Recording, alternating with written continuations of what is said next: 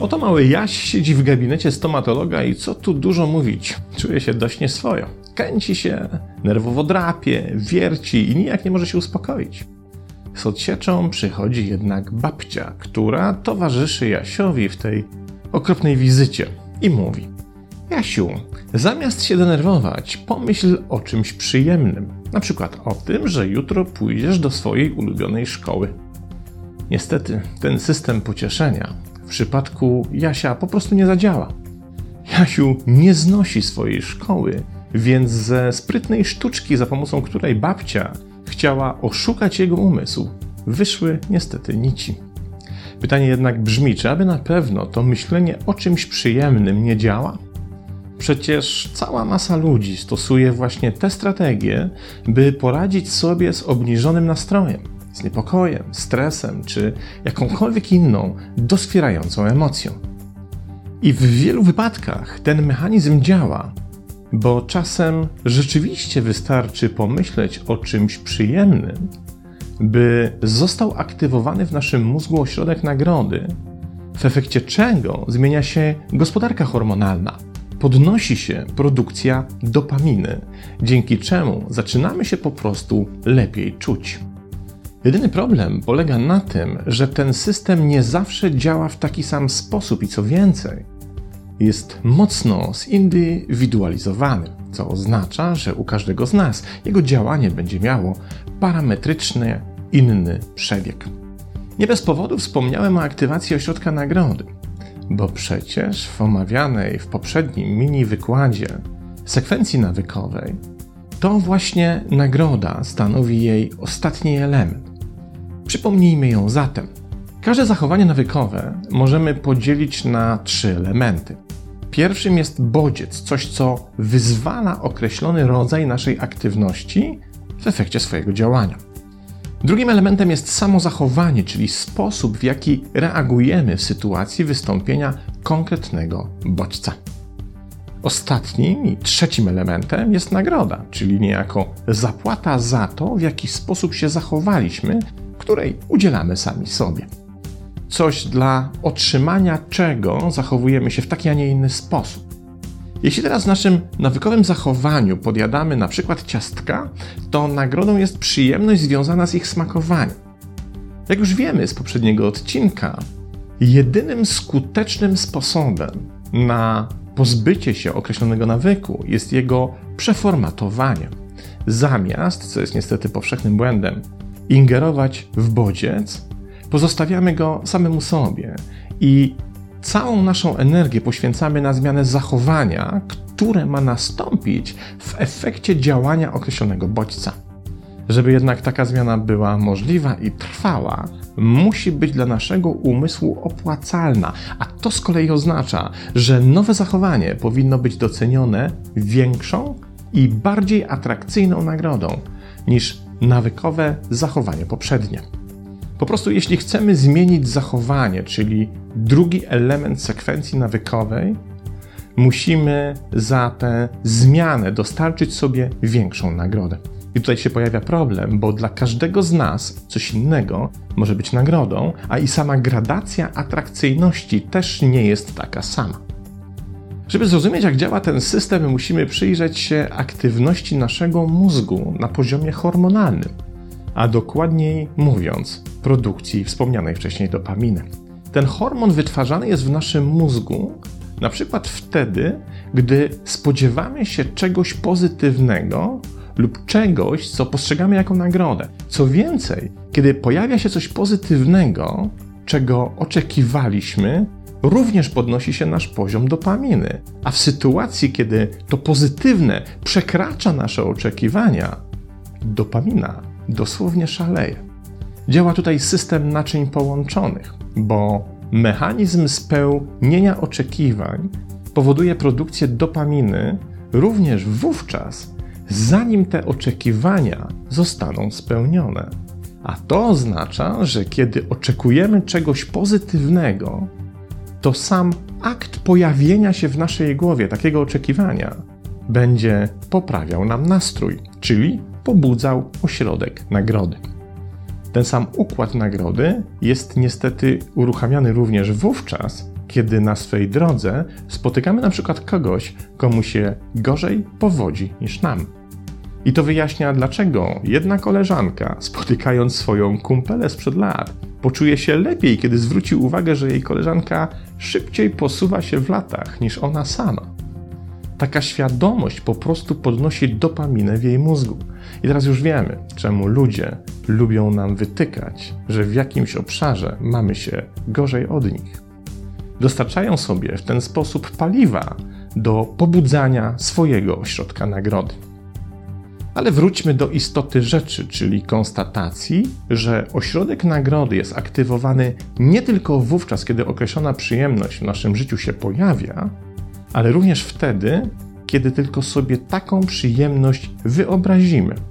Możemy stąd wyciągnąć ważny wniosek, który może nam znacznie ułatwić na przykład przeformatowywanie naszych nawyków, bo okazuje się, że nagrodą może być nasze wyobrażenie czegoś przyjemnego, a zatem konstrukt, który stworzymy we własnej głowie. Jednak tutaj pojawia się pewien problem. Otóż dla każdego z nas proces formowania nagrody w głowie przebiega na zupełnie innych poziomach i by tę sztuczkę zastosować, trzeba bardzo uważnie przyjrzeć się samemu sobie. By pokazać ten mechanizm, wróćmy na chwilę do przykładu z poprzedniego wykładu, czyli do jakiejś osoby walczącej z nadwagą i usiłującej się pozbyć nawyku podjadania z lodówki. Mamy więc w jej przypadku sekwencję nawykową złożoną z bodźca, czyli widoku lodówki, i odpalenia śladu pamięciowego, że wewnątrz znajduje się jakiś smakołyk, potem zachowania, czyli otwarcia lodówki, sięgnięcia po ten smakołyk i zjedzenie go, oraz nagrody pod postacią przyjemności rozkoszowania się smakiem tego, co zostało zjedzone, czy też samej frajdy wynikającej z samego aktu jedzenia. Teraz chcemy przeformatować ten nawyk. Nie ingerujemy więc w bodziec i zostawiamy lodówkę tam, gdzie stała. Natomiast próbujemy zmienić zachowanie. Niech bohater naszej historii zamiast po smakołyk sięgnie na przykład po szklankę wody. W tym celu musimy mu stworzyć pole wyboru, a zatem pilnujemy, by zawsze w lodówce stała szklanka wypełniona wodą. Wiemy też, że żeby ta osoba sięgnęła po wodę zamiast po smakołyk, jej mózg musi zostać nagrodzony, i ta nagroda musi przewyższać nagrodę dotychczasową, czyli przyjemność pochłonięcia smakołyku. Wiemy również, że nagroda nie musi być rzeczywista, bo produkcję dopaminy w jego mózgu może zapewnić nam samo wyobrażenie powstałe w jego głowie. I tutaj pojawia się zasadnicze pytanie: co dla tej osoby będzie wystarczająco silnym wyobrażeniem nagrody, by sekwencja nawykowa mogła zostać zmieniona i osoba ta stale zamiast po smakołyki sięgała po wodę. To odpowiedź, której niestety nie mogę udzielić, bo jeśli to zrobię, będzie to moja odpowiedź, a ona już może nie działać na kogoś innego poza mną.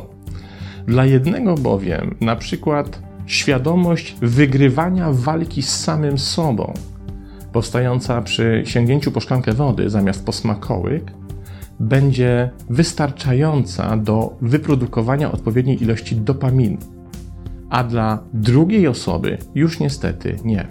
Czy nam się to podoba, czy nie, to zawsze jest indywidualny proces. Skoro tak, to właśnie z powyższego przykładu możemy wyciągnąć ważny wniosek. Możemy autoregulować swój system produkcji dopaminy, czyli pobudzania ośrodka nagrody, ale to w jaki sposób posłużymy się tutaj naszą własną wyobraźnią i oczekiwaniami jest zależne wyłącznie od nas i pracy, którą w ten proces sami włożymy. Możemy się w tym procesie wspomóc ustaleniami np. świata nauki oraz autorów ważnych dzieł z tego zakresu, np. David Rock, Autor bestsellerowej książki Twój mózg w działaniu wskazuje, że dla większości ludzi istnieją pewne wzorce nagród, czyli tego, czego wyobrażenie będzie aktywowało produkcję dopaminy. Wymienia tutaj następujące obszary ludzkiej aktywności: jedzenie, seks, pieniądze, dobre relacje z innymi, podniesienie statusu, poczucie sprawiedliwości, poczucie pewności siebie i autonomii. Mamy zatem wskazówki, na jakie tematy możemy próbować tworzyć wyobrażenie we własnych głowach, by dostarczać sobie odpowiednich nagród, których tak potrzebujemy, by na przykład zmienić swój nastrój, radzić sobie z niepokojem czy stresem, przetrwać trudne życiowe momenty, czy w końcu pokonywać nasze niechciane czy też negatywne dla nas nawyki. Jednak okazuje się, że system wyobrażania sobie tego, co mogłoby stanowić dla nas nagrodę, nie zawsze działa tak samo silnie. Zaś siła tego działania, a co za tym idzie, jego skuteczność, jest uzależniona od jakości spełnienia trzech podstawowych warunków. Zatem, żeby z tego mechanizmu skorzystać, niezależnie od tego, czy walczymy z nawykiem, czy chcemy odetchnąć od stresu, nasze wyobrażenie musi po pierwsze dotyczyć tego, co leży w zasięgu naszych możliwości. To pierwszy warunek, który moglibyśmy określić terminem w zasięgu. A to oznacza, że to, co sobie wyobrażasz, musi być w Twoim zasięgu finansowym, logistycznym, sprawczym itd. Tak Jeśli na przykład w Twoim przypadku taką nagrodą jest wyobrażenie sobie weekendowego wyjazdu, by popluskać się przez chwilę w ciepłym morzu, to nagroda ta będzie działać, jeśli na pewno wiesz, że na taki wyjazd cię stać, że dysponujesz odpowiednim czasem i środkami, by sobie nań pozwolić. Jeśli nagrodą jest wyobrażenie sobie zarobienia odpowiednich pieniędzy, to taki zarobek musi być w zasięgu Twoich możliwości i tak dalej, i tym podobne. Kolejnym warunkiem, jaki musi spełniać nasze wyobrażenie sobie nagrody, jest jej nieuchronność. Najsilniej więc zadziała wyobrażenie sobie czegoś, co nie może zostać odwołane, czegoś, co na pewno się wydarzy. Jeśli posłużymy się dalej przykładem weekendowego wyjazdu, to będzie to sytuacja, w której masz już zarezerwowany i opłacony pobyt, bilet w ręku i forsę na drogę. Samo wyobrażenie jedynie możliwości odbycia takiej podróży nie będzie wystarczająco silne jak to, że ona się po prostu wydarzy, jest nieuchronna. Jej pewne odbycie jest po prostu faktem. Trzecim i ostatnim warunkiem, by nagroda w naszej wyobraźni działała odpowiednio silnie, jest czas, który dzieli nas od tego wyobrażeniowego wydarzenia. Tutaj wyniki badań są nieubłagane. Najsilniej działają nagrody, do których wydarzenia się dzieli nas mniej niż 90 dni. Więc Twój weekend nad morzem nie może mieć miejsca dopiero za pół roku, bo jego wyobrażenie nie będzie wystarczająco silne, by sprowokować produkcję dopaminy w Twoim mózgu. Im zaś mniej czasu dzieli cię od oczekiwanego wydarzenia, tym silniej będzie ten system działał. Podsumowując naszą wiedzę o nagrodach i tym, w jaki sposób działają w naszym systemie, zapamiętajmy, że nagrodą, czyli na przykład bezcennym i niezbędnym wsparciem przy pokonywaniu nawyków, nie musi być coś, co się wydarza w tym konkretnym momencie Wystarczy samo wyobrażenie tego przyjemnego dla nas wydarzenia. Pod warunkiem jednak, że będzie w naszym zasięgu, czyli będzie możliwe do osiągnięcia, że będzie nieuchronne, czyli wydarzy się na pewno i nieodwołalnie, i że czeka nas nie później niż za 3 miesiące. Dla mnie na przykład taką nagrodą jest majowa motocyklowa przejażdżka z Katowic na Hel. Czemu działa tak silnie? Bo mam na nią czas, mam na nią środki i zarezerwowałem już nocleg. Ale co najważniejsze, to już jutro. Pozdrawiam.